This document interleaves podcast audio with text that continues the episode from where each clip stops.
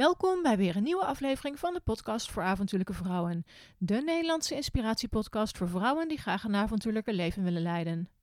Mijn naam is Antoinette Spaan en ik ben wandelaar, schrijver en wereldreiziger. In deze aflevering heb ik een gesprek met Eva Smelen. Eva is wandelaar, blogger en avonturier. In 2017 liep zij van Amsterdam naar Zagreb. Inmiddels leeft ze als nomade, waarbij ze zich veelal te voet en per fiets verplaatst. In deze podcast hebben we het over wildkamperen, wandelen alleen als vrouw over de Via Dinarica, haar avonturen in de Balkan en hoe het is om te leven met een laag budget. Voor we verder gaan wil ik graag nog je aandacht vragen voor het volgende. De podcast voor avontuurlijke vrouwen is een project dat ik op vrijwillige basis doe en me elke maand een x-bedrag kost om te produceren en in de lucht te houden. Mocht je als luisteraar geïnspireerd raken door de podcast en de vrouwen die je hoort, dan zou ik het enorm waarderen als je een kleine donatie wil doen ter waarde van een kop koffie. Zodat ik de podcast in de lucht kan houden en nog meer inspirerende vrouwen kan interviewen. Doneren kan via avontuurlijkevrouwen.nl slash doneren. Ik wens je voor nu weer heel veel luisterplezier bij deze aflevering van de podcast voor avontuurlijke vrouwen.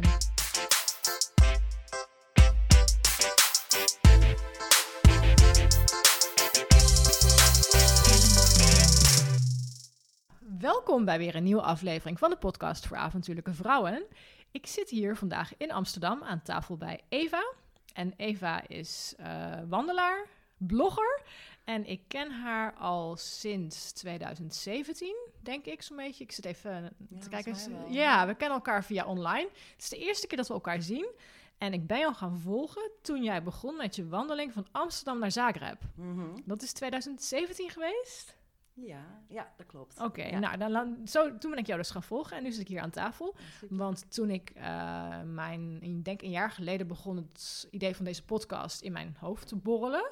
En toen heb ik een lijstje gemaakt met vrouwen die ik graag zou willen interviewen. En daar stond jij ook op. Ik dacht, nou, iemand die van Amsterdam naar Zagreb wandelt en inmiddels nog steeds aan het wandelen is, Mhm. die wil ik gewoon in de podcast hebben. Ja, super gaaf. Dus nou, Ja. hartstikke leuk dat, je, dat we konden afspreken. Dat het lukt om het live ook te doen. Ja, en leuk dat jij ook in Amsterdam was. Ja. Ik, vind, ik, eh, ik vind het ook altijd leuk om hier te zijn. Ik ben net van een andere podcastopname hier naartoe gewandeld. En dan vind ik het altijd weer leuk om de huisjes te zien en hoe het gaat. Ik kom natuurlijk uit Arnhem en dat is een, eh, een dorp in vergelijking met eh, Amsterdam. Ja. Dus ik vind het ook altijd leuk om hier te zijn. Ja, dat heb ik ook. En zeker lopen door Amsterdam. Dat vind ik... Heel Op fijn. de fiets doe ik niet meer. Ik heb hier ook geen fiets meer. Maar ja, nee, lopen, dat vind ik echt... Dan zie je ineens zoveel meer. Ik ben echt een soort van... Niet zozeer een toerist, maar een gast in mijn eigen stad. Ja, want jij Ja. woont dus niet meer, eh, om het gesprek te beginnen, Ja, jij woont niet meer in Amsterdam. Of jij woont helemaal niet meer in Nederland. Geen vaste Nee. verblijfplek überhaupt. ik heb überhaupt geen vaste verblijfplaats. Nee, inderdaad. Ehm, ja, dit is al, eigenlijk al een lang verhaal. Maar inderdaad, in 2017 ehm, eh, begon ik met lopen van Amsterdam eh, naar Zagreb.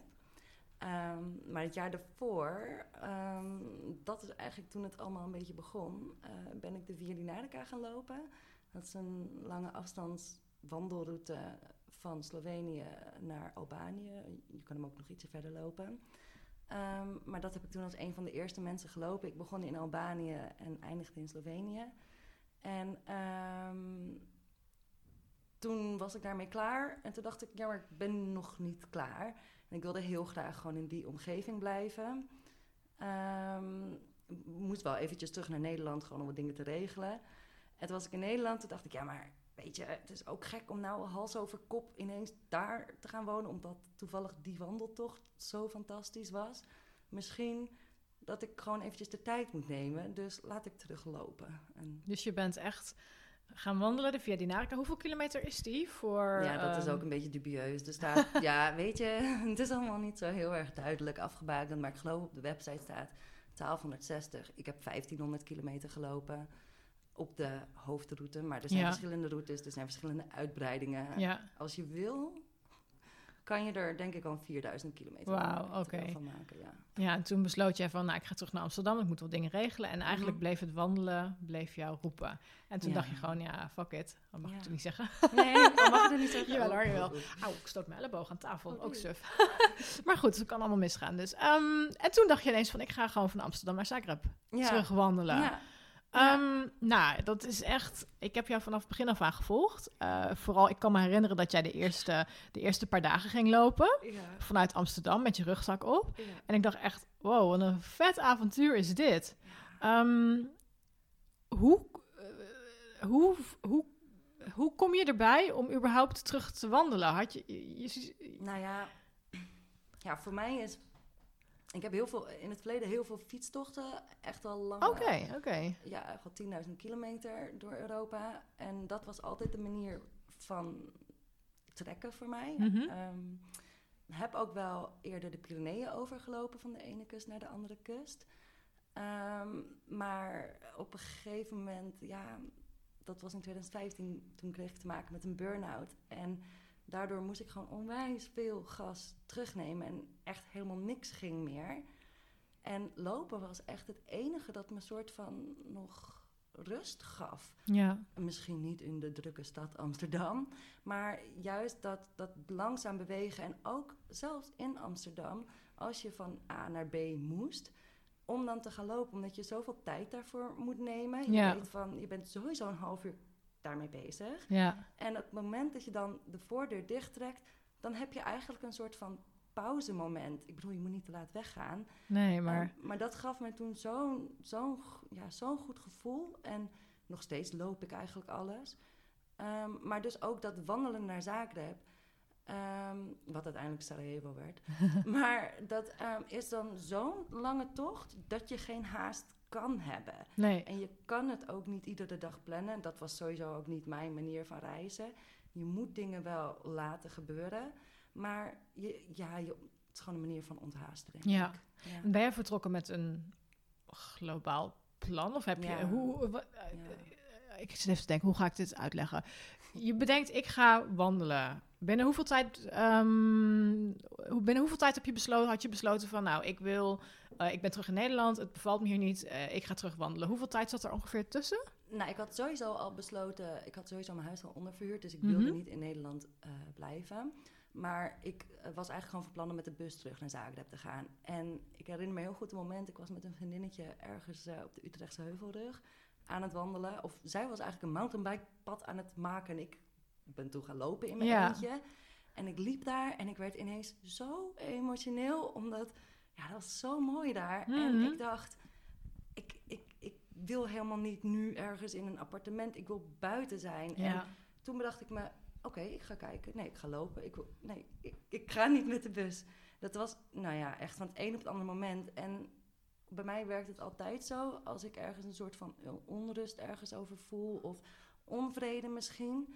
ik kan er gewoon niet zo makkelijk aan om me dan maar over te geven... en zo heel gedweven van, ja, dit is nou eenmaal wat er van Wat me ik, verwacht wat ik van plan was, dus ik moet mijn plan maar aanhouden. Ja, precies. Totaal niet. Als ik ergens iets voel knagen, dan ga ik bedenken, wat is dit? En Ja.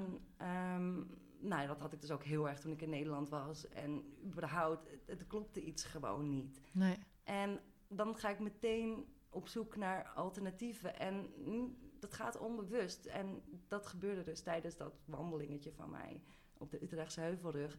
En nou, gewoon googelen, lange afstandspaden in Nederland. En ehm, zo heb ik eigenlijk heel snel, nou ik denk echt in twee dagen, heb ik mijn route uitgestippeld. Vet. Ja. Heel gaaf. En dan ben jij dus vanuit Am- letterlijk uit Amsterdam vertrokken. ja. Eh, hoe ben je Nederland uitgelopen? Eh, de voet? Nee. De. nou, nee, ik... ehm, Ehm, heb, je, heb, je, heb je toen een bepaalde ik heb het LAW? pelgrimspad Oh, pelgrimspad. Ja, ja, ja. Dus ik had toen als motto van, ik ga niet emigreren, ik ga pelgrimeren. Ja, heel goed, heel goed. En ehm, nou, toen heb je ook, eh, je hebt, jij kampeert onderweg altijd. Ehm, maak je überhaupt wel eens gebruik van Airbnb of dat soort Nee, mogelijkheden? echt Je- nooit. Nee, je Echt kampeert echt, alleen maar.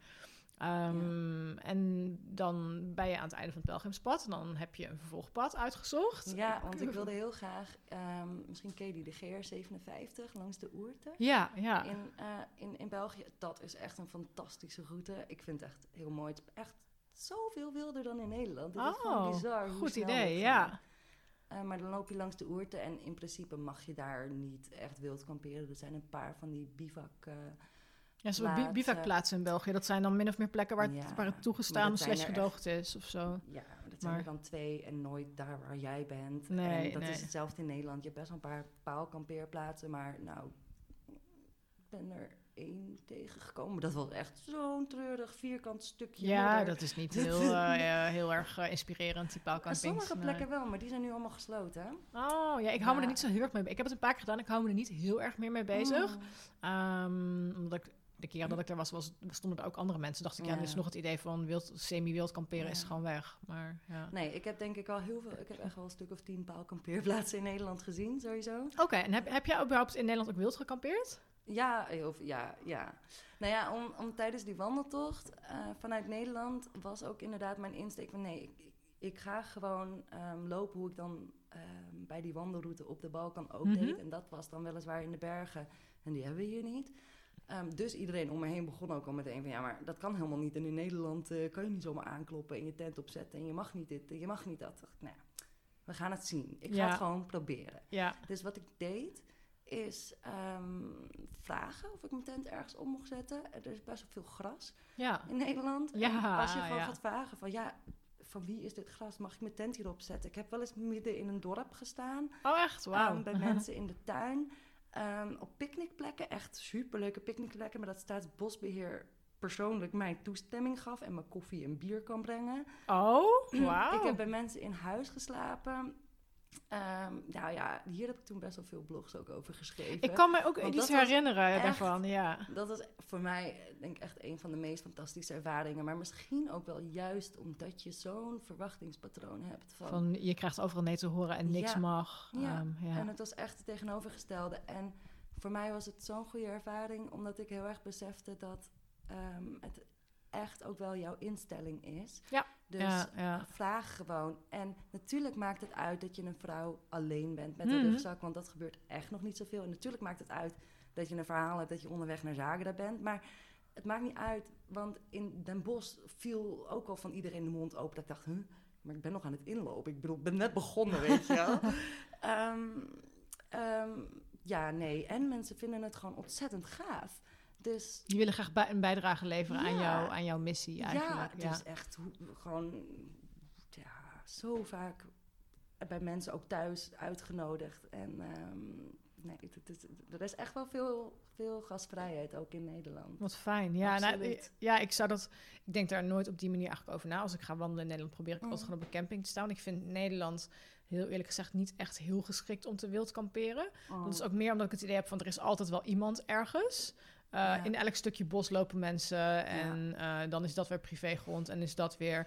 Um, ja, dus mij krijg je ook echt gezeik. Ja, ik moet heel eerlijk zeggen, ik um, vind het ook lastig, want heel veel mensen vragen het aan mij en dan denk ik ja, het is niet toegestaan. Dus als ik het al doe, ga ik daar niet openbaar voor uitkomen, want ik ja, Mm. mensen Oh, lezen mijn site. ik vind toch dat ik een, ja, een bepaalde voorbeeldfunctie heb. Ja. Ja, ik, ik, vind het, ik vind het lastig, maar ik zou me ook niet echt heel erg op mijn gemak voelen als ik ergens sta. Um, waarvan ik weet van, oké, er kan hier iemand langskomen die kan me wegsturen. Maar misschien is dat is ook gewoon een Ja, kwestie van doen, denk ik. ja. Dat je er gewoon scheid aan hebt en denkt van, nou, als ik weggestuurd word, dan, ja, dan ga ik wel iets anders zoeken. Nou kijk, mijn insteek is wel echt overal altijd... ik vraag eerst om toestemming. Ja. Maar omdat ik natuurlijk geen plan heb... en nooit weet waar ik eindig... kan het best wel eens zo zijn dat je ergens eindigt... en dat je denkt, dit is geen chille omgeving. nee, En nee, hier wil je niet dat mensen weten dat, jij daar staat. Ja, En ehm, in zo'n geval wil ik nog wel eens de bosjes induiken... maar dat gebeurt echt bijna nooit. En als ik dat doe, dan sta ik ook echt heel vroeg op. ja, om te zorgen heb- dat je al weg bent voordat er mensen überhaupt Ja. moeilijk over kunnen gaan doen. Ik heb dat veel meer in Duitsland gedaan. Oké, ja. Maar, maar in Nederland hoefde dat eigenlijk niet. Nee. En in Nederland, ja, echt hoor. Ik bedoel, soms als, als je niet bij iemand... Ik hoef, ik hoef ook helemaal niet altijd bij iemand in de tuin te staan. Ik wil gewoon dat iemand mij toestemming heb heeft gegeven. Ja, en- maar dat, Dat. bijvoorbeeld even heel praktisch. Ik zit dan meteen te denken dat staatsbosbeheerverhaal. Hoe heb je nou, heb je ze gebeld of ben je gewoon nee, natuurlijk niet. Maar, Nee. maar hoe, hoe krijg je dan toestemming van staatsbosbeheer nou, op zo'n ik moment? kan gewoon aan het einde van de dag aanlopen. en ik... ehm,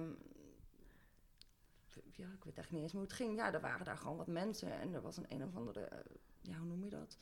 Bezoekerscentrum of iets? Ja, ja. zoiets. Ja, oké. En ehm, ik vroeg van, hey, is hier een plek in de buurt waar ik mijn tent kan opzetten? En toen zeiden ze, oh nee, maar de camping is dicht. Ik zei, ja, ik zoek eigenlijk ook geen camping. Ik wil gewoon een stukje gras waar ik mijn tent op kan zetten. Ja. Maar ik wil dat niet illegaal doen. ja. Oh, ja, maar hier is een hier is een picknicktafel. Ik zo, oh echt? Oh? En dan mag ik mijn tent opzetten? Ja, natuurlijk. Oh, ja, ja, ja. Ja, en ik zo, oké, ik heb alleen ook nog een beetje water nodig. Ja. Nou ja, en toen kreeg ik water en bier en de volgende ochtend koffie. Geweldig, mooi verhaal, ja. ja. Ja, nou ja, ik vind het ook een beetje een dingetje. Ik ben nu bezig met een artikel over wildkamperen in Zweden. Zweden is natuurlijk het allemaal, of eigenlijk Ja. Scandinavië heeft het allemansrecht. En eh, ik, ik merk dat daar zie je nergens sporen van dat mensen ergens gekampeerd Nee. hebben. Nee. En ehm, ik vind in Nederland ligt, ik weet niet hoe jij dat ervaart, ook ten Ja. opzichte van Oost-Europa. Ik denk dat je al weet wat ik ga zeggen. Maar overal ligt troep en lege blikjes en nou, de witte zakdoekjes in de bosjes oh, zijn zakdoekjes echt. Oh, maar dan denk ik echt, ik snap wel dat ze hier niet willen dat je wild kampeert. Ja. Want 9 van de 10 mensen, die laten gewoon een troep achter. Zo dat lijkt zo? het althans. En dan denk ik, ja, als wij dus niet eens op een fatsoenlijke manier met de natuur kunnen omgaan als we al gaan wandelen, hoe moet het dan als we kamperen? Ja. Ehm, dus ik vind het heel erg. eh, ik snap wel waarom het in Nederland niet kan. Waarom het niet toegestaan is. Aan de andere kant denk ik soms wel eens van... het is gewoon zo jammer. Want het zou zo leuk zijn als je gewoon ergens een bos in kan lopen... en dat je een mooi plekje ziet en denkt... nou, hier ga ik gewoon staan. Zonder dat je je zorgen hoeft te maken over een bo- boze boswachter... die 's morgens om zes uur aan je tent staat te sjorren van... hé hey, dame, kom jij je tent eens even uit... want hier mag je helemaal niet staan. ja, dat is me in Duitsland wel eens overkomen. Ja? Ja, nee, maar inderdaad. En daarom vond ik dus in Nederland die paalkampeerplaatsen echt een goed idee. Maar de reden dat ze gesloten zijn, is gewoon omdat mensen er misbruik van maken. Ja. Ja. En dat vind ik echt heel jammer. En ja, kijk, het is natuurlijk een beetje kneuterig, want ik kwam altijd in het donker aan bij die paalkampeerplaatsen. En dan Mm. ja, ja, ehm, mag je meestal maar zo rondom 10 meter... Bij, bij, de, bij de paal Bij de paal kon je de hele paal niet vinden. Nee. In een donker bos. Maar ja, ik, ik vind het echt eeuwig zonde dat dat nu gesloten is. Want in Nederland is het gewoon heel moeilijk. Alles is bebouwd. Ja, En ja. Zelfs bij ik ons in, begrijp het ook. En zelfs bij ons in het bos waar ik woon, ehm, daar kom ik eigenlijk als ik ga wandelen bijna altijd wel iemand tegen. Ja. En ik weet zeker dat op elk paadje waar ik loop, dat daar gewoon mensen lopen. Ja. En dan denk ik, ja, dan kan ik hier mijn tent wel opzetten, maar dan krijg ik er meer gedoe mee dan dat het me... eh, Nederland is er ook niet echt geschikt voor, denk ik. Ehm, Nee. Maar Ehm. als je een lange afstandswandeltocht wil maken in Nederland, Pieterpad of ja, je hebt ook zo'n ehm, totaal onverhard pad, ik weet die ook helemaal van noord naar zuid loopt. ja, die is van een of ander magazine, geloof ik. Is het van Roots magazine Ja, of dat andere ja, magazine? Oh. Salt magazine? Een van... Oh, nee, ik- van Roots, ja. Roots, ja. Die hebben zo'n... Eh, ik heb hem een keer gezien, ja. die, dat, dat zou ik echt, eh, die zou ik graag willen lopen. Of die zou ik lopen als ik in Nederland zou gaan lopen. Ehm, maar als je dus echt al besluit om zo'n tocht te, te maken, hoef je dingen niet zozeer te plannen als in kijken waar campings zijn en kijken Nee. waar hotelletjes. Natuurlijk afhankelijk van hoe je het wil, maar als je misschien een stapje meer avontuur wil, denk ik dat je best wel ehm, op stap kan gaan met een dosis vertrouwen in Ja. de Nederlandse medemens. Ja, dat is waar. ja. En ja, dan staat soms je tent tussen twee trekkers op een veld. Maar wat maakt het uit? Kijk, als, je, als, ja, als Ja, het jou om een avontuur gaat... en Mhm. een beetje buiten de gebaande paden, zelfs in Nederland... dan kan dat 100%. ja. Ja, Ja, het maakt mij nooit zoveel uit om op een camping te staan. Ik bedoel, dus het, Oké. het, het- het- zelf vind ik het... Ik hoef niet tussen de campers te staan. En, Mm. maar als ik gewoon aan het wandelen ben... Ik heb het Pieterpad bijvoorbeeld gedaan van camping naar camping zo'n beetje. Mm. En ik vond het op zich... Ja, ik, soms kwam ik hele leuke kleine boerencampings tegen. Dat ik echt Ja. dacht van, nou ja, weet je, dan hè, eh, gooi ik 8 euro in een potje... en ik mag hier een nachtje staan en ik kan naar het toilet toe... en ik kan water tappen. Klopt. Nou, prima. Dus ik, eh, dat, dat, ja, ik zou dan wel meer daarvoor gaan. Ja. Ehm, en in Duitsland vind ik het zo jammer. Daar heb je echt fantastisch mooie lange afstandswandelingen. Ja. Maar daar is allemaal geen, geen, kamp- geen kampeermogelijkheden. Nee? Dat is best wel, tenminste, die routes die ik heb gelopen, de Top Trails of Germany, zijn er een aantal van. Oh, ik heb trouwens nog een van jouw vlogs gebruikt... toen ik dus ook van Amsterdam naar Sarajevo aan het lopen was. Mhm. Toen kwamen mijn broertje en mijn zusje me opzoeken. Ergens in Duitsland. Oh, gut, waar was dat nou? Nou ja, goed, daar heb je ook een paar van die wandelroutes. En jij had daar ook iets van gelopen. Oh ja, ja. En, ehm, maar ja, wij hebben daar ook gewoon... ja. Je kan in principe, volgens mij in Duitsland kun je Zelfs wel wild kamperen, Ja. denk ik. Want het is die. Veel scoutingplekken heb je ook. Ja. En je kan ook, niet alleen Google Maps, maar ik gebruik Maps.me. Maps Oh ja, heb ik eens van gehoord. Ja. En ehm, daar vind je wel vaker ook nog een soort van bivakplekjes. En in Duitsland heb je best wel veel van die gekke houten hutjes waar je wel wel Ja, die heb ik ook wel eens gezien. hebben. Ja, maar, Maar daar, je- ja, die kan je gewoon in slapen. Nou, als ze niet open zijn, kan je niet inslapen. nee, maar je, maar je kan kunt er wel je tent bij ja, precies. Ja, ja, ja. Gewoon maar doen als je neus bloedt. En dat maakt natuurlijk een groot verschil als je alleen bent. Ja, Of misschien met z'n tweeën. Ehm, als jij met een, met een gezin een lange wandeltocht gaat plannen, ja, dan, dan kom je er niet echt mee weg of zo. Of als je je auto Nee, maar als je eentje staan. staat van, nou, ik had vannacht een slaapplekje nodig, kon geen camping meer vinden, dan Ja. eh, gaan ze echt niet moeilijk eh, doen, is jouw ervaring. Nee. Nee.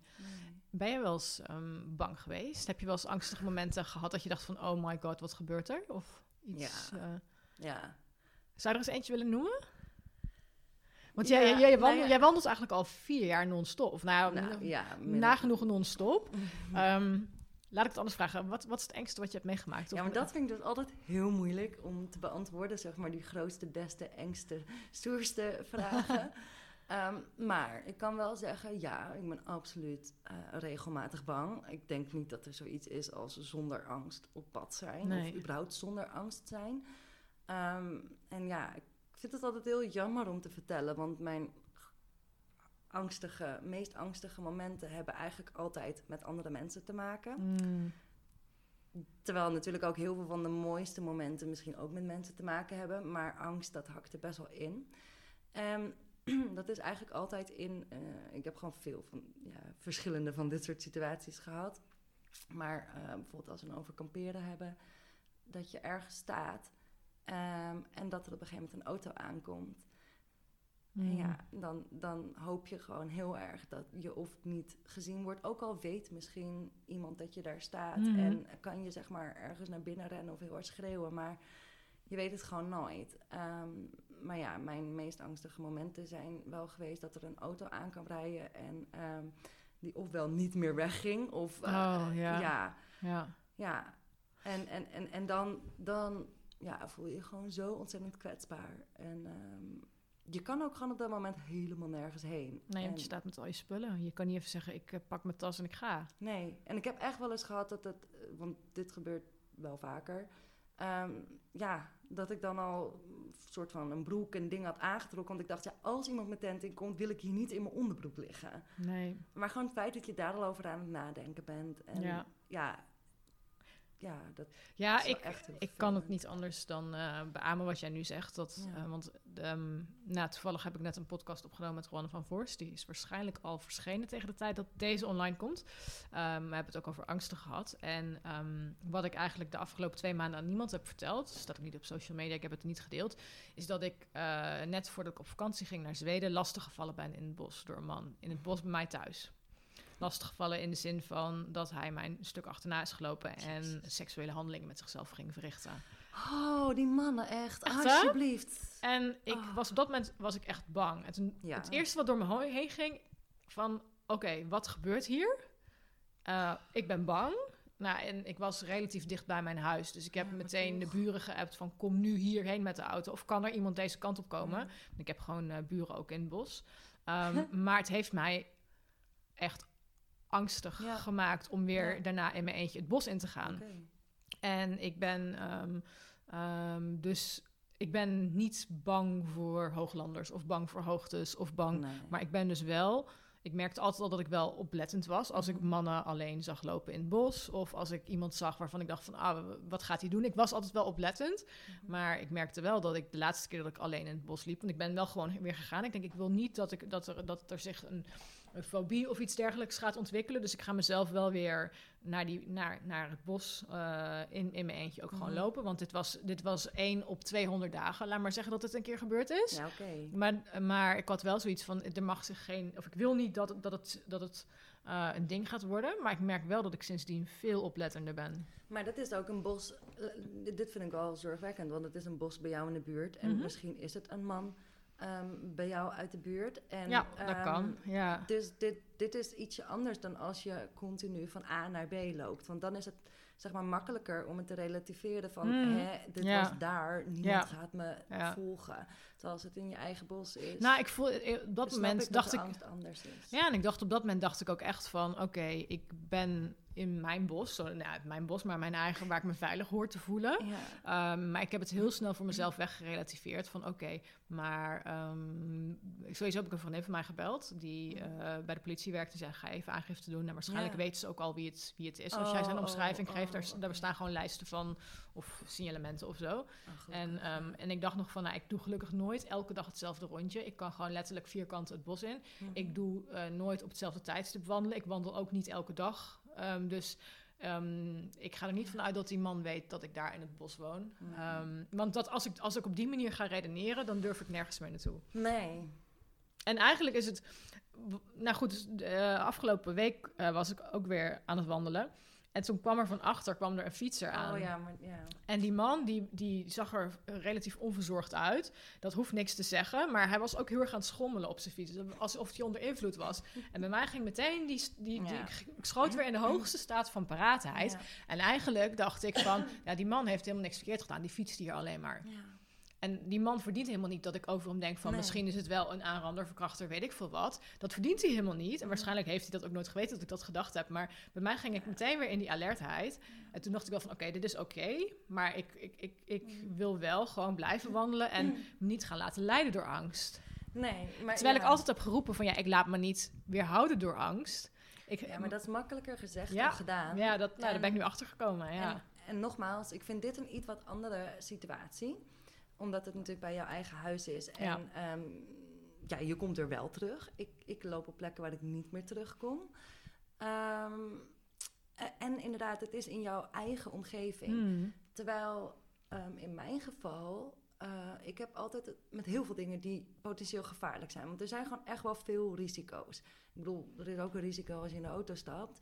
Ehm, maar inderdaad, als je in de bergen loopt, je moet wel weten waar je mee bezig bent. Ja. En als je dan in de bergen op de Balkan loopt, ja, iedereen vraagt altijd, ben je dan niet hier en hier en hier en hier bang voor? Voor beren, er liggen op sommige plekken mijnen. Hmm. Ehm, het is niet allemaal even goed onderhouden en gemarkeerd. Dus ja, er zijn heel veel dingen waar je bang voor bent. en inderdaad, misschien ook vreemde mannen of mensen. Ehm, wat potentieel een probleem kan opleveren. Ehm, maar in mijn geval is het zo'n bewuste keuze dat ik, ik breng alle gevaren en risico's in kaart. Mhm. Ik bedenk Ja. ook wat kan je daaraan doen. Ehm, hoe kan ik mezelf voorbereiden? Wat ik overigens veel beter zou kunnen doen. Ehm, als het gaat om zelfverdediging bijvoorbeeld. ja. Ehm, maar tegelijkertijd maak je ook een, een, een risicoafweging. En ik denk dat die voor iedereen persoonlijk anders is. Ja, en daarmee ja. gaat het heel erg om van wat is het waard voor jou om dit te doen. Mhm. En voor mij is het, ehm, ik heb er iets voor over om überhaupt ehm, deze tochten te kunnen maken en Ja. om alleen te mogen lopen.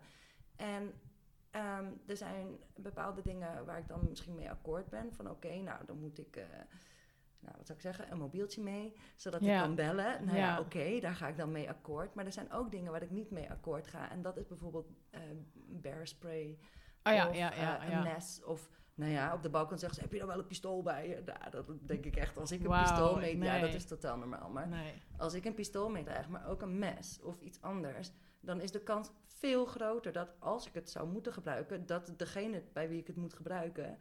dat beter weet te gebruiken en dat. Ja, ja. ja. Ehm, dus het is ook voor mij heel erg een afweging van, of een acceptatie van die risico's zijn er. En ik ben bereid om dat ook is te het een aanva- hele- die risico's te aanvaarden. Ja. Ja. Nou ja. Dat is grappig dat je die, die, die gun of dat pistool en dat mes onder de aandacht brengt. Want een eh, vriendin van mij die zei tegen mij van... ja, maar als jij eh, daar veiliger door gaat voelen... waarom ga je dan niet een busje pepperspray bij je dragen? Ik zeg, ja, maar dan geef ik dus toe... Ja. Aan, eh, aan, aan een angst of aan een, iets dat ik me wil, wil kunnen verdedigen. Terwijl dat, daar heb ik nog nooit over nagedacht. Ik, ik loop ook niet met een zakmes of iets dergelijks Ja. rond. Ehm, eh, als ik kampeer heb ik altijd wel gewoon een zakmes bij me.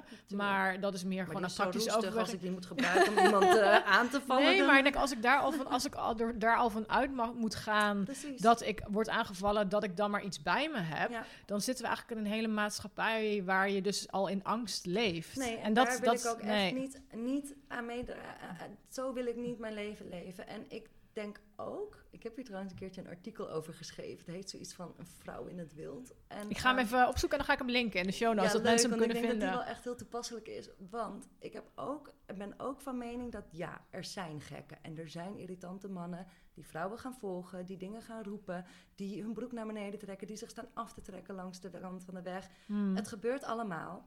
Ehm, maar dat is stap 1. En dan, of nou, stap 1 is denk ik meer van, je ziet een vrouw en er wordt, weet je, iemand Mhm. bedenkt om daar iets mee te doen. Nou goed, misschien dat hij dan zijn broek naar beneden trekt. Oké. Ja.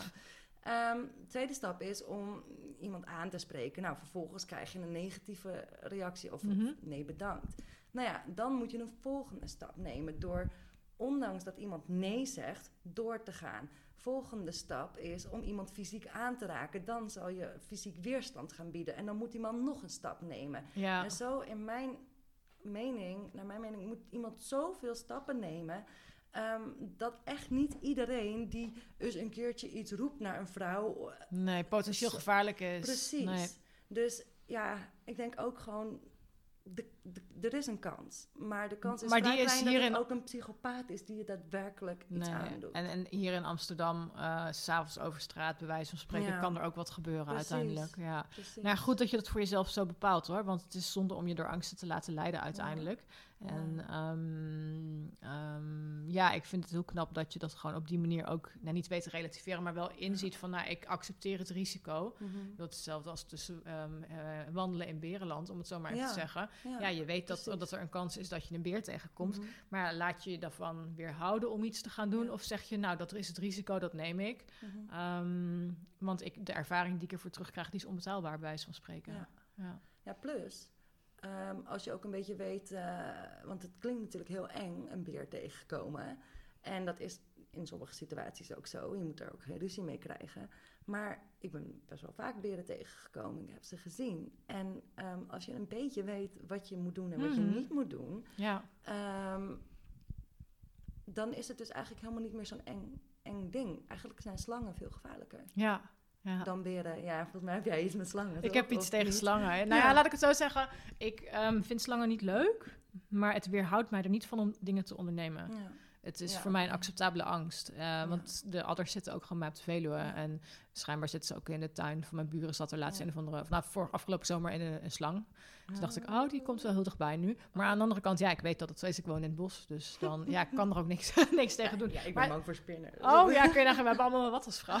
ja. Maar ehm, eh, ik wilde even nog iets over die beren vragen, volgens mij. Of niet, ik weet het al niet meer. Mm, Wat, wat je ja. wel en niet moet doen. Nee, nee, daar wilde ik even iets over zeggen. Ehm, het, het valt mij soms op dat... eh, kijk, jij, jij geeft aan van... Nou, ik ben best goed voorbereid. Ik weet wat ik moet doen in dat soort situaties. Ik merk aan mezelf ook dat ik vaak wel voor iets van weet van... Oké, ik loop ongeveer die kant op. En ik weet wat ik moet doen als, je, als het gaat omweren in de bergen bijvoorbeeld. Mhm. Of ik weet ook dat ik ehm, niet op uh, teenslippers een eh, berg moet gaan beklimmen. ehm, of Mhm. het is ook gewoon je gezond verstand gebruiken Ja. heel vaak. Maar ik zie soms in het buitenland met name mensen dingen doen waarvan ik denk, je hebt je echt totaal niet voorbereid. Ja, yes, dat En- is schokkend, En je ja. kunt heel veel dingen voorkomen, denk ik, door gewoon je common sense te gebruiken. En door te denken van een risicoanalyse van, oh, is dit veilig? Veilig genoeg? Of moet ik hier gewoon niet aan beginnen? Um, bijvoorbeeld, ik heb een keer een uh, berg beklommen in Crater Lake National Park. En daar begon het te onweer op de weg terug naar beneden. En uh, best wel een heftige onweer. En ik zag gewoon nog mensen naar boven lopen. Dat ik echt dacht, maar waarom? Maar ja, ik vond het niet mijn taak om ze daarvoor te waarschuwen. Want ja, ja ik, ik, dacht van, dat is gewoon logisch verstand. Maar die mensen hadden zo die drive om die top te halen. Ja, dat, echt dat ik echt dacht van, ja, maar dit is dus echt gewoon common sense. Ik snap niet waarom mensen dit doen. Um, en ik denk dat je gewoon heel veel uh, dingen al kunt voorkomen door gewoon je ja. common sense te gebruiken ja. en te denken van, oké, okay, um, tot hier gaat mijn grens en niet verder. Ja, maar dan, kijk, ik denk, ja, dat, dat soms mensen, ja, ik wil niet zeggen verkeerde beweegredenen hebben, maar als jij een berg op een berg bent om die top te veroveren, mm. ja, ik vind het, ik wil niet oordelen, maar ik heb er wel heel veel moeite mee dat dat een doel is. Um, omdat je dan dus offers of risico's neemt.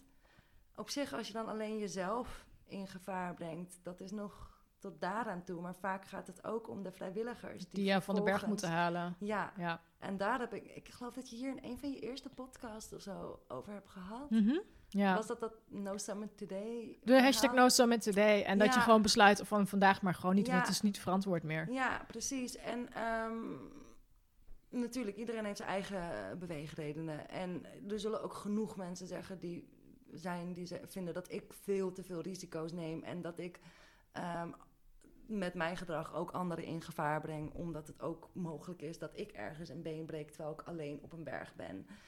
Um, en dat is zeker waar. Um, maar ja, misschien ik, ik heb er gewoon heel veel moeite mee dat mensen zich boven de natuur stellen. Terwijl Ja. voor mij is het juist een tegenovergestelde Natuur boven ervaring. alles. Moeder natuur laat zich niet met, niet met zich zollen uiteindelijk. Nee, en dat vind ik juist dat me zo ontzettend veel rust geeft. Om je zo klein en nietig te voelen. En Mhm. gewoon zo'n respect en blij te zijn dat jij daar te gast mag zijn. Dus daarom snap ik ook gewoon niet dat mensen dingen achterlaten als stomme wc-papiertjes. Maar Oh, het gaat echt veel verder. En Ja, dat, dat doet me gewoon letterlijk pijn. Omdat snap ik. Ja, het- snap je ik verpest het echt ook voor zoveel andere mensen. En ja, het doet me ook soms een beetje verdriet dat er dus zoveel mensen op de wereld zijn die, die, die gewoon de aarde vergiftigen. Ja, ja helemaal, helemaal mee eens. Dat, En, ehm, ja, dat vind ik echt moeilijk. Ja. Ehm, is het, heb, heb jij het gevoel dat de eh, vervuiling op het pad in Oost-Europa erger is dan waar wij zitten? Ik was namelijk afgelopen jaar in Tsjechië. En in Tsjechië, nou, daar lagen gewoon luiers en Ja. hele afvalzakken langs Ja. de wandelpaden. En toen dacht ik van, nou, in Nederland is het erg, maar hier is het nog vijf keer zo erg. Hoe is dat eh, in de Balkan, waar jij veel, eh, veel, veel wandelt? Ja, dramatisch. Oh, echt verdrietig is Nee, dat. dat is echt. En op zich, als je echt, echt, echt op de wandelpaden bent, ehm, is het meestal gewoon alleen de stukken waar het dichter bij de weg is. Ja, en plekken waar mensen picknicken, want er is echt een andere mentaliteit. Mhm. Ehm, en rondom hutten, en gewoon bivakhutjes. Ja, nee, het is echt, echt een rotzooi. Eh, maar ik, kijk, maar dit is het makkelijkste probleem, want dit is een stukje mentaliteit. Gewoon Mhm. mensen die niet gewend zijn om dat wat je meeneemt ook mee terug te nemen. En Ja. Ik denk, dit zijn al mensen die de natuur intrekken omdat ze daar graag zijn.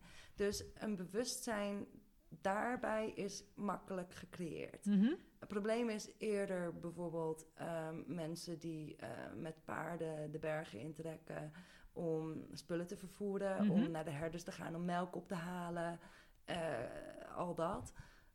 Is het een beetje duidelijk dit verhaal? Ja, ja, Ja. ja, ga verder. Ehm, daarbij is het gewoon een soort van woon-werkverkeer. Ja, dus dan laten ze alles maar gewoon Ja, vallen. ehm. voor hun betekent de berg al iets heel anders. En dat Ja. geldt een beetje hetzelfde voor mensen in de toch wel wat armere dorpjes. Het is gewoon echt extreem in Kosovo en Albanië.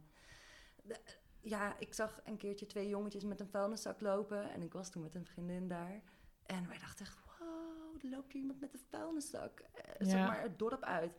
Nou ja, wij liepen daar achteraan. En, eh, bij het laatste huis werd het zo woep, de rivier ingegooid. Oh, ja. Ja, en het is echt heel erg, want als je dan eh, in Prizren bent, de hoofdstad, of nee, nou, grote stad in Kosovo.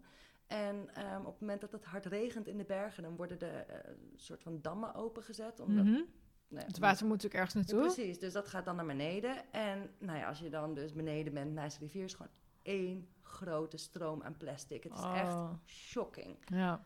Is, En- is dat educatie van mensen? Dat mensen niet weten dat, wat ze met hun afval moeten doen en wat het met de natuur doet? Of is het gewoon luiheid van, nou, we gooien het hier wel neer? Nee, het is deels, deels denk ik inderdaad ook wel educatie, eh, bewustzijn dat er niet Mhm. is. Maar een heel groot deel is dat er geen andere oplossing is. Nee, Want er komen daar geen vuilniswagens. ze weten gewoon niet wat ze met afval moeten. Nee, en Hmm. ik bedoel, om dat nou zelf in je auto helemaal naar beneden te rijden, waar je misschien één keer in de week. Ja, de- de- het is gewoon een combinatie van andere mentaliteit. Mhm. Maar ook dat er gewoon geen, geen, geen goed systeem is. Nee, en nee. zelfs in Zagreb is er hartstikke... Is, ik bedoel, in Amsterdam wordt het afval niet gescheiden. In Zagreb wel. ja. Maar daar zijn de afvalcontainers weer zo overvol...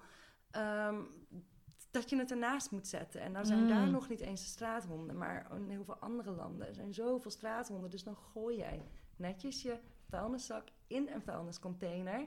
En dan duikt de straathond erachteraan. Nou ja, Ja. dan moet die container natuurlijk zo gemaakt worden dat er geen honden in kunnen. Mhm.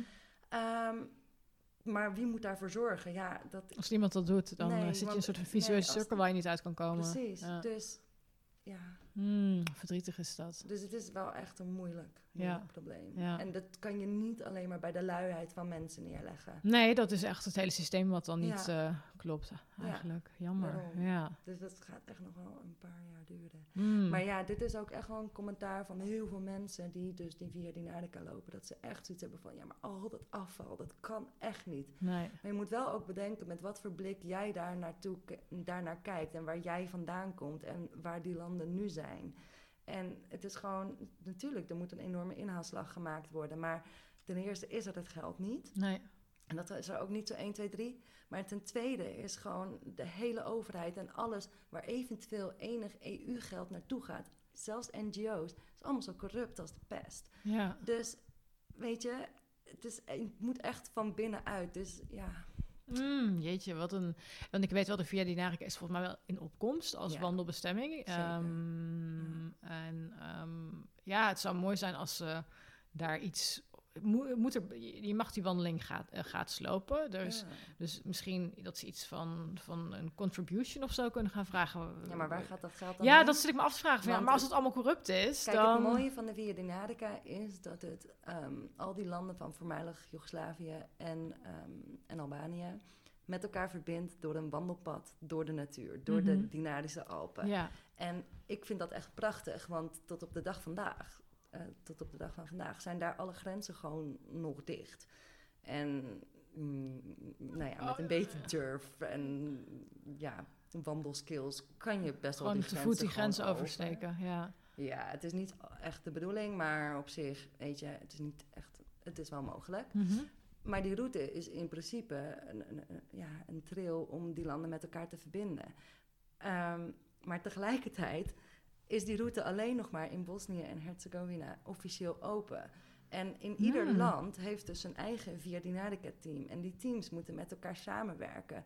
Er is niet zoiets als één overkoepelend Via Dinarica project. Dus oh ja, dus ieder doet eigenlijk, iedereen, elk, elk Iedereen land doet doet maar wat. gewoon, doet, doet gewoon wat. Ja, Ja, En Mm. ja, dat, en dat, dat, dat reflecteert precies hoe het überhaupt Hoe het daar gaat, ja. Nou, het is wel mooi om te horen. Dat het, ja, eh, dat het dus niet allemaal zo geplaveid is als we hier in Nederland of in Duitsland of zo gewend zijn. Maar daardoor is het ook avontuur. Ja, dat, eh, ja dat, dat geloof ik meteen. eh, Het is ook een soort... Het is heel krom. Mensen houden van de Balkan of ze haten het, denk ik. ja, Want ja, het, het- je moet af en toe wel een beetje afzien. En ja, er is inderdaad echt wel veel meer afval dan als je naar Scandinavië gaat. Maar er is op een bepaalde manier ook al veel vrijheid. En ja, ja, het is wel een soort van wat wilder sowieso en ongerepter. ja. En ja dat, ik, zie, ja. ik zie natuurlijk jouw foto's en je updates en ik denk wel elke keer van, oh, wat is dit fantastisch mooi. het is echt heel gaaf. Ehm, als we even gewoon naar het wandelavontuur aan zich eh, gaan kijken. Want volgens mij kunnen we altijd anders uren over trilvervuiling en zo Ja, eh, gaan oh, hebben. En we zitten al eh, op 42 minuten, dus Oh, het gaat heel jeetje. snel, ja. Oh. Ehm, even kijken hoor. We hebben het gehad over waar je, ja, wat jouw angsten waren. Ehm, maar jij kampeert dus in principe altijd wild op de trail. Mhm. Hoe vind je een geschikte spot? Hoe, hoe bepaal je van... Heb jij sowieso... Kijk, je, je staat 's morgens op. Mhm. Nee, laat ik het anders vragen. Hoe ziet jouw dag eruit? Dan Oh, ja. kan je het gewoon van begin tot eind... Maar ik ben ja. gewoon benieuwd naar dingen van... Je staat op en Ja. bedenk je van tevoren hoe ver je gaat lopen. Of heb je gewoon, ga je gewoon kijken van... Nou, ik, heb, ik, ik, heb, ik, ik vind een mooi plekje, hier stop ik. W- hoe dra- wat doe je met eten s'avonds? Ik ben gewoon heel benieuwd. Hoe ziet jouw dag op, hoe ziet jouw dag op een, een dag op de trail er voor jou uit? Ja, dat is wel een beetje afhankelijk eh, natuurlijk van waar je loopt. Maar Mhm. laten we even zeggen dat je dus in de bergen in de Dinarische Alpen loopt. Mm, een groot deel van de planning wordt bepaald door waar er water is. Mhm. Je moet gewoon water hebben als Is, je daar- ergens is daar iets over documentatie over te vinden? Of is dat op een, een wandelkaart? Of Nee. hoe, hoe vind je dat überhaupt uit? Nou, je mm, kan ehm, naar de eh Via Dinarica website gaan Mhm. en daar vind je in principe de trail online. En Mhm. daar staan in principe de waterpunten opgemarkeerd. Alleen, het is niet allemaal accuraat en bij sommige ja, is het water gewoon niet bereikbaar. Nee. Plus dat het ehm, ja, karstgebergte is, dus er is geen oppervlaktewater. Alles wordt opgevangen in watertonnen. Oké, ja. Er zijn een paar bronnen, maar die kunnen uitdrogen. Ja. Dus het is Ja, niet goed gedocumenteerd wanneer wat er is. Mhm. Ehm, hutten vangen regenwater op. Dat is wel slim om te filteren, maar ik heb dat toen de tijd niet gedaan. Nu doe ik het ietsje vaker. Ehm, maar ja, ook dat kan gewoon opraken als je echt een hittegolf hebt. Dan, dus ja, het is vrij lastig om ja, daar één antwoord op te geven. Maar ja, ik, ik probeer altijd, ik, ik ben het altijd een beetje gewoon aan het navragen en gewoon altijd extra meenemen. Ja, En ja. dat, dat maakt het bijvoorbeeld ook wel lastiger om de Via Dinarica bijvoorbeeld als een echte through-hike te doen. Mhm. Om dus die kilometers te maken. Ja, je kunt niet zeggen van, eh, want ik, bijvoorbeeld als iemand, eh, nee, ik heb laatst een, een, een eh, vlog gekeken van de Tough Girl Challenges. Zij heeft ook een eigen podcast, het My Tough Girl podcast. Ehm, is super interessant, maar zij heeft de, de Appalachian Trail in 100 dagen gelopen. Wat betekende dat zij zoveel kilometer per dag moest lopen. Dat kan dus eigenlijk niet voor de Via Dinarica. Je kunt niet zeggen, ik doe er zoveel dagen Nee. over en dan moet ik zoveel per dag halen Kijk, of ik zo. wil zeggen, ja, het kan wel, maar het- kijk, Appalachian Trail, Appalachian Trail. ja. Al die trails zijn natuurlijk hartstikke hoog en hartstikke lang. Ja. Eh, maar er is een wandelpad. Dat is Ja. gewoon een wandelpad. Terwijl het grootste gedeelte van de Via Dinarica... Ja, dat moet je echt zoeken naar de markers. Of het is overgroeid. Of ja. het zijn... Ik bedoel, nou klinkt het echt allemaal vreselijk. Maar wat ik wil zeggen is, dit is echt een stuk wilder. Er Het is geen een- geplaveid pad Nee, waarbij je denkt, ik loop van marker naar marker en eh, ik red me Nee, wel. Dus Nee. je bent echt ook veel minder snel. Ja, hoeveel, hoeveel Ehm, kilometer loop jij op een dag überhaupt ongeveer? Nou, toen ik begon was het echt een heel ander verhaal. Maar nu kan ik sowieso wel 25, 30. Oké, ja. Afhankelijk hoeveel hoogtemeters. Ja. En nou ja, je vroeg me hoe mijn dag eruit ziet. Ja, ik plan dus echt helemaal niks. Behalve dan dat ik wel wil weten waar water is. Mhm. Ehm, eh, maar als het ergens... eh, ja, ik sta op. Ik kook altijd water. En dat giet ik over mijn havermout heen. En, Oh ja, ja, En over mijn koffie. ja. En ehm, daarna begin ik pas met lopen. Maar ja, ik heb wel gewoon een route, de route die ik loop. Maar als het mooi is, dan, dan is het mooi. En ik kan zomaar ergens een uur stoppen. Of als je dan, dat was ook een beetje mijn insteek in 2016 toen ik de vierde jaar ik ging lopen. Juist ook om dat te onthaasten. Ik wilde geen eindtijd. Ik wilde niet zo snel mogelijk. Of ik, ja, ik wilde gewoon geen druk erop. Ik hoefde geen prestatie neer te zetten. Ik was al lang blij als ik het kon lopen. Plus, ik was daarvoor al op de Balkan geweest. En dan had ik wel altijd een beetje, was op de fiets, ik wel een tijd dat ik terug moest zijn, omdat ik weer moest beginnen met werken. Ja. En dat wilde ik nu gewoon echt niet. Dus ik wilde dat als er iemand roept, hé, hey, wil je koffie? Dat je kon zeggen, yes, ja, doe we- lekker. Ja, En, en Ja. als iemand je dan vervolgens de hele familiefotoalbum laat zien... of eh, weet ik veel, meeneemt naar de koeien. Ik heb weet ik het hoeveel Dat- koeien en ja. aardappelvelden en alles. dat je ook niet hoeft te zeggen, nee, sorry, maar eigenlijk moet ik verder. Nee, dat je gewoon gebruik kunt maken o- of kunt maken van hun aanbod en hun gastvrijheid. Ja, Ja, precies. Dus ik heb echt wel echt op hele gekke plekken, ook bij mensen in huis, dat ze dan een slaapplaats aanbieden. En dan uiteindelijk blijkt dat gewoon de bank waar je daarvoor nog, zeg maar, met z'n allen op zit. Ja. Plus dat die andere mensen ook in diezelfde woonkamer slapen. Dus ik zeg Ja. niet dat je altijd het beste slaapt. Maar dat was mijn insteek. Dus hoe mijn dag eruit ziet, dat weet ik niet. Ik laat het echt gebeuren. Ehm, en dat, dat vind ik ook wel, dat maakt echt een groot verschil met een route als Via Dinarica. Dat is veel meer een soort van combinatie van een wildernistrail en misschien wel op een bepaalde manier een pelgrimsroute. Want het is zo'n groot deel cultuur. En Mm, ja. Ehm, ik denk als je de Appalachian Trail loopt, is het veel meer. Je loopt echt een pad door de natuur. En het lijkt mij juist. ehm, ja, daarbij juist heel erg gaaf ook om wel jezelf op een fysieke manier meer te pushen. Ja. Ja, ja.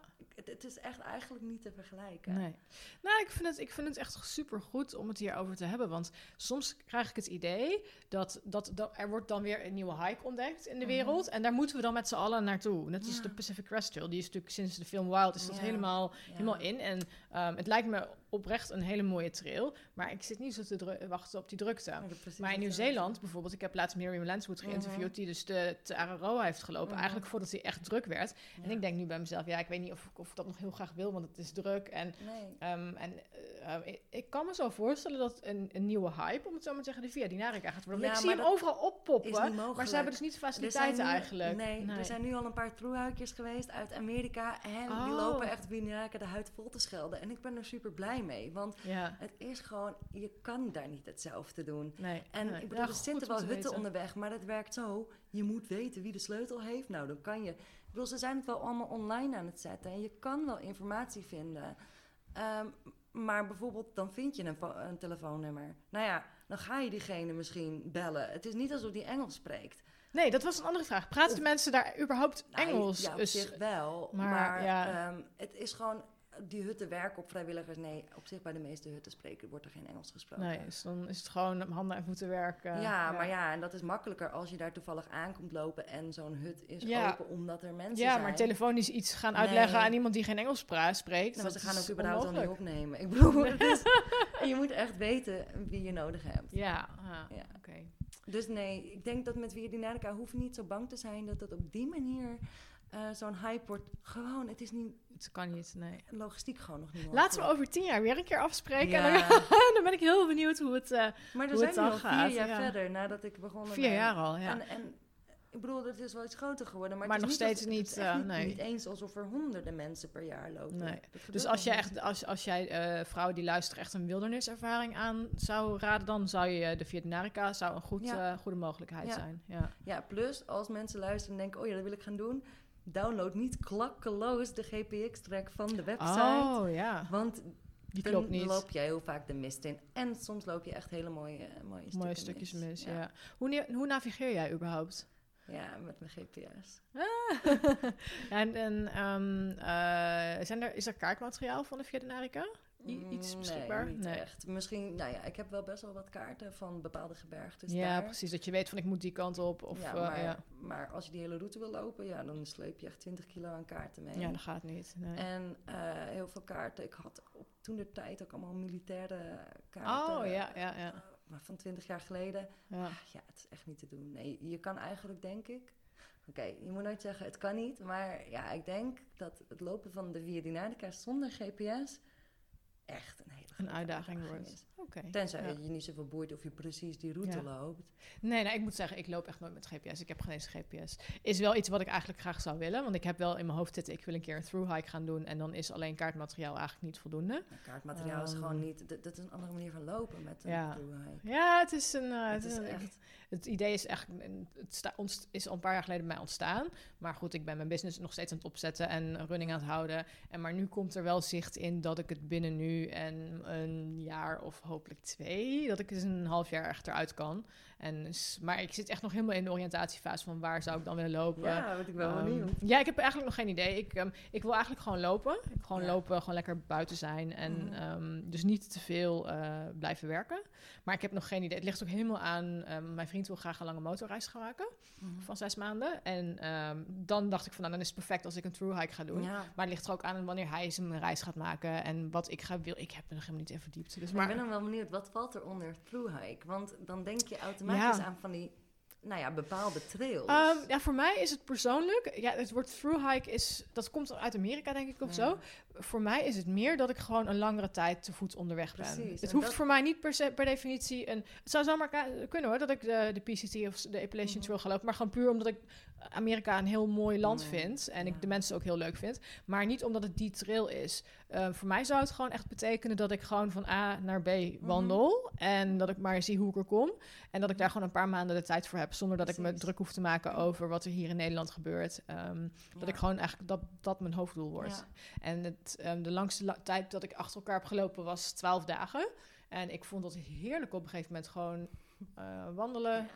eten, slapen. Wandelen, eten, slapen. Dat is eigenlijk waar, het enige waar het om gaat op dat moment. Terwijl ik vind eigenlijk dat je pas na twee weken echt in begint Oh, dat, gelo- dat geloof ik. Dat gelo- en het- Snap dat, ik, dan, dan, dan heb ja. soort van alle pijntjes wel een keer Ja, gehad. En dan ja. weet je een beetje waar je Ja. aan toe bent. Oh, dat geloof ik ook meteen. Ik moet ook eerlijk zeggen dat ik, eh, dat ik ja, soms ook wel eens denk van waarom doe ik dat nou niet eerder? En ehm Miriam Lanswood zegt heel goed, wil je iets doen of wil je iets gedaan Ja, hebben? Dat is zo mooi. En ik denk Ja, echt, Wil ik wel echt een through hike doen? Wat houdt me nou... Dus maar ik ben echt maar een... dat is ook mijn punt. Want waarom willen mensen, weet je, de PCT, de Ja, Appalachian, de. CDT... en dan gaan ze door naar, eh, naar Nieuw-Zeeland, weet je. Het wordt allemaal zo afgetikt. En ja, dat moet je eigenlijk helemaal niet willen. Instagram-profiels zie je- profielen, zie je dus ook allemaal al die afkortingen van die trails. Dat ik echt denk, maar dit is gewoon een bepaalde topsport. En dit is precies hetzelfde als ehm, dat hele alpinisme met al die bergtoppen beklimmen. Ja. En Ja. ja, ik word er echt moedeloos van. ja, het zou voor mij zomaar kunnen dat ik zeg... ik begin op de Noordkaap en ik wandel naar Zuid-Zweden of zo. Supergaaf. Z- Ja. zoiets. Oh, oh, ehm, wauw. ja, het, eh, we, gaan het, eh, we gaan het zien. We zitten gewoon al op 55 minuten. Oh Oh my my god, het gaat hard. Ehm er schoot me net nog iets te binnen. Nou, ik ben het even kwijt. Ik had deze dus echt... Ik heb natuurlijk wel mijn standaardlijstje met wat betekent avontuur voor jou. Maar ja, heb je tips voor avonturen die een wat lager budget hebben? Zo, deze is al een keer te sprake gekomen Ja. bij Linda Bezemer. Eh, die zei, toen hadden we het over jou. Toen heb je mij ook gemeld van... Hé, hey, ik hoorde mezelf oh in de ja, podcast. Ja, echt heel Uh, raar. zij dat. gaf de Via Dinarica als een optie voor vrouwen die eh, op avontuur willen met een wat lager budget. Ja, Ehm. Dat is even een bruggetje naar mijn volgende vraag. Hoe doe jij het? Financieel Oh, ja. gezien. of tenminste, Ja. want je hebt geen baan. Nee. Ehm, heb jij, en jij vertelde net aan mij ook dat je uitgeschreven bent uit Nederland. ja. Hoe doe je het? Eh, je hoeft niet helemaal in detail te vertellen wat, wat je verdient en zo, maar gewoon benieuwd hoe onderhoud jij jezelf en kun je een globale indicatie geven hoeveel jij per maand uitgeeft op de trail? Ja, nou ja, ik ben denk ik de afgelopen 3,5 jaar rondgekomen van 100, 150 euro per maand. Wauw, dat is gemiddelde wat een gemiddelde ziektekostenverzekering Ja, in Nederland precies. kost. Nou ja, die heb ik dus niet. Nee. Maar ik had wel een, doorlo- eh, een, een, een, een reisverzekering. Mhm. Ah, goed, hoe heet dat? Een Globetrotter of zo. Ja, ja. Ja, weet je, er moet niet. Voor mij was het allerbelangrijkste dat als er iets gebeurt op de berg en in het ergste geval dat ik doodga, dat Mhm. niet mijn ouders eh, een soort van in de schulden zitten, eh, zo omdat ze mijn lichaam terug moeten krijgen. En Ja. het klinkt heel cru dit, maar ja, dat is, was voor mij echt de grootste, ja. grootste zorg. Mhm. Ehm, en natuurlijk is het vervelend als je een enkel breekt of een been. En dat je, maar weet je, er komt wel een oplossing dan. Ja, ze halen je toch hoe dan ook wel van die berg. Maar ik snap dat je niet wil dat je ouders dan met de kosten van 10.000 euro voor die nee, helikopter precies. opgeschadeld Dus zitten. ehm, ja, en ik bedoel, pff, ik, ik moest me wel uitschrijven, omdat ik dus niet om meer dan acht, of meer dan acht maanden Die- die per grens maand. is acht maanden, hè? Ja, en, Acht en dan, maanden kan, per dan jaar. zegt iedereen, oh, dan schrijf je toch bij je ouders in. Maar ja, dan gaan, kunnen ze daar gaan checken. En ik ben gewoon niet in Nederland. Nee, nee. Nou ja, dus ik heb sowieso niet de ziektekosten, kosten, als in wel iets van 400, 500 euro per jaar, Mhm. omdat ik wel verzekerd wil zijn. Maar dat haalt echt al gewoon je maandbedrag onwijs naar beneden. Ja, ja. Het telefoonabonnement heb ik echt op zijn allerlaagst gezet, want ik gebruik alleen maar wifi en verder staat hij altijd op de vliegtuigstand. En ehm, ik heb gewoon geen vaste lasten. Nee. Wat voor vaste lasten kan je hebben? Ja, mijn pinpas. ja, is 2,50 per maand of zo, geloof Ja, ik. volgens mij is bij mij 4 euro in de drie Ja. maanden, zoiets. Ehm, Nee, je, je- en het enige wat je verder nodig hebt is, is, is voedsel dan, ja, toch? precies. En als er, als er spullen kapot gaan of zo? Ja, nou ja, dan had ik wel dat ik eh, bijvoorbeeld schoenen waren bij mij soort van gesponsord. Ja, Eh, ik weet niet, die misschien... ja de Vibram 5 ja, Fingers, ik wou zeggen, kan ik een naam noemen? Ja, je mag, ja. je mag een naam noemen, ja. Ja, precies. Nee, maar dat was echt super leuk. Ook, en, en het was niet gesponsord op een manier dat ik er dan over moest schrijven of dat ik er iets mee moest. Maar zij ondersteunen gewoon jouw project. Precies, zij ja. vinden het gewoon super gaaf wat ik doe. En ik draag dit ook uit en ik draag die schoenen ook. Het zijn teenschoenen um, ja, met een hele dunne zool, waardoor Mhm. je echt alles voelt hoe je loopt. Oeh, dat lijkt me echt zo naar. Ja, het is gewoon een hele andere ervaring en Ja. ook een heel andere podcast kunnen we daarmee vullen. Ehm, maar ja, ik had wel gewoon een paar spullen die gesponsord werden, maar niet, echt niet heel veel. Ehm, en verder is het denk ik met name je instelling. Dus ook toen ik van Amsterdam naar Zagreb terug ging lopen, had ik al mijn spullen in Zagreb liggen. ja. Dus toen was ik in Nederland en toen moest ik ineens met, ja, met een andere tas. Met, ik heb gewoon alles bij elkaar geschaapt en Ja. eh, echt van, van iedereen wat gekregen. En het was veel zwaarder. Maar dan moet je jezelf de vraag stellen van, ja, waarom, wat wil je of wat beweegt je? En voor mij was het veel belangrijker dat ik onderweg kon zijn dan dat ik snel zou zijn. ja. En natuurlijk, het was echt wel best wel behoorlijke belasting op mijn voeten. Want ja, jij zegt altijd, ik wil niet meer dan 17, 18 kilo. Nou, pff, ik geloof dat het echt eh, 25 i- en zo niet meer was. Oh, jeetje, ja. Maar goed, dan is wel een tip eh, om gewoon met alles wat je doet in Nederland te beginnen. Want tegen de tijd dat je bij de bergen aankomt, ben je mega fit. Ben je super getraind. of ja, nou ja, ja, het ja. goed gaat. Ehm, dus het is heel erg een instelling. Maar daarnaast ben ik ook wel mijn website begonnen en schreef ik daar eh, ja, gewoon hele persoonlijke verhalen over. Gewoon dingen die er ge- gebeurden. Mhm. Ehm, en heb ik wel, zeker in het jaar dat ik van Amsterdam naar Sarajevo liep, eh, best wel vaak dat mensen mij op koffie trakteerden. Dus dan had ik een donatiebutton en dan Oh, konden ja. mensen Ja. een koffie trakteren. En als jij dus maar iets gemiddelde kosten van 100, 150 euro per maand hebt, Dan gaat het best wel heel rap natuurlijk. ja, plus een koffie op de Balkan. Nou, voor 3 euro kan je daar een soort van twee weken koffie voor drinken. Nou, een week. Ja. Als je iedere, dag koffie drinkt. Dus Ja. ja, het is een combinatie van echt geen geld uitgeven. Mhm. Ehm, en En dus bewust kiezen van, ik wil dit doen, ja, dus dan zal ik dat en dat niet kunnen doen. precies. En ehm, ja, we zijn heel erg gewend om te denken in... eerst moet ik dit, want dan kan ik dat. Mhm. ja. Dus eerst moet ik een goed horloge hebben... en dan kan ik beginnen met hardlopen. Of eerst Ja. moet ik een bepaalde goeie, rugzak hebben... en dan... kijk, het is niet zo dat je... Ja, het is wel handig als je een rugzak hebt als je een lange tocht gaat maken. Maar het hoeft geen nieuwe. En het hoeft, Nee, zeker niet. Nee, nee. Ja, en het hoeft ook niet de lichtste te zijn. En, Nee, het is Ja. fijn. Ik moet ook altijd eerlijk zeggen, ik krijg best wel veel spullen gesponsord. Ik heb ook echt in jaren al bijna geen outdoor kleren Nee. meer hoeven kopen. Nee. Eh, ik zeg ook heel veel nee tegen dingen. Dat ik denk van ja, dit, dit ga ik niet gebruiken. Ja. En dat is ehm, omdat ik denk van ja, weet je, ik, hoeveel paar wandelschoenen kan ik hebben? Ik heb Mhm. laatst heel veel paar wandelschoenen ook weggegeven. Mm. Uh, ik heb een aantal rugzakken die ik heb weggegeven. Omdat ik dacht van, nou, ik heb het gekregen. ja, ik heb hem twee keer gebruikt. Heel leuk. Maar Mhm. ja, ik heb er een, een stukje over geschreven. Ehm, dus ik ben wel selectiever geworden in spullen waarvan ik denk... oké, draagt het Ja. iets bij aan als ik een stukje over ga schrijven... voor ja, mijn lezers of niet? ja. Ehm, zo heb ik laatst een keer een regenjas van Decathlon gereviewd. Gewoon omdat ik oprecht benieuwd was of. Decathlon... eh, die jassen zijn natuurlijk drie keer zo goedkoop als een gemiddelde Ja. jas van een ander outdoor, van een, van een ja, gerenommeerd outdoormerk. Zeker. En ik vond het heel belangrijk om, om ook voor mijn lezers altijd een budgetoptie aan te geven. Want ja, Mhm. niet iedereen kan een jas van 200 of 300 euro betalen. En dat hoeft ook niet, want de Decathlon jas heeft het uiteindelijk gewoon prima volgehouden afgelopen ja, zomer. Ik ben echt, ja, wat dat betreft hulde aan Decathlon. Bedenk me nu, ik heb daar toen ook nog een, bericht, een, een blog over geschreven. Zoiets van low budget pelgrimeren of zo. ja, En inderdaad, het is gewoon echt, het is echt je instelling. En ik vind het ook belangrijk dat andere bloggers deze dagen ja, niet alleen maar de duurste, beste, Nee. eh, nou ja, nee. grote merken. Nee, het is eh, goedkoop of nee, eh, dure spullen zijn niet per definitie altijd beter. Ik heb ook wel spullen getest waarvan ik echt dacht van, nou, waarom hebben ze hier niet over nagedacht of dat. Eh, ik probeer in mijn artikelen waar ik eh, meerdere spullen test. Ik heb bijvoorbeeld een artikel met dagrugzakken, een artikel met regenjassen.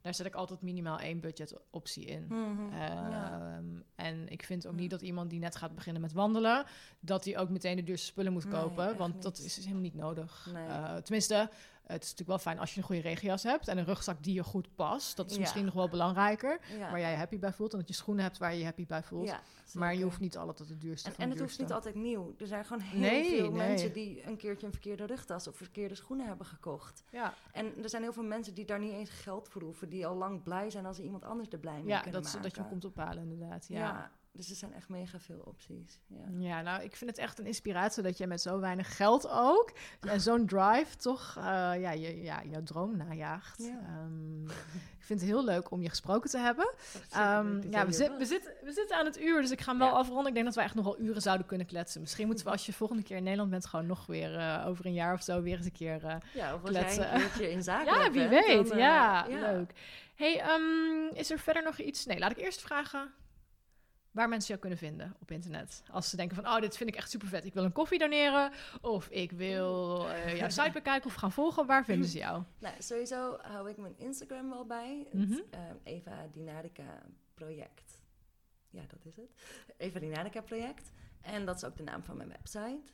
Ehm, dan moet ik wel eerlijk zeggen dat ik mm, die de laatste tijd niet zoveel artikelen heb geschreven. Maar ik ben wel van plan om dat weer te doen. En je kan sowieso heel veel vinden over dus die hele wandeltocht van Amsterdam, naar ja. Sarajevo uiteindelijk. ja.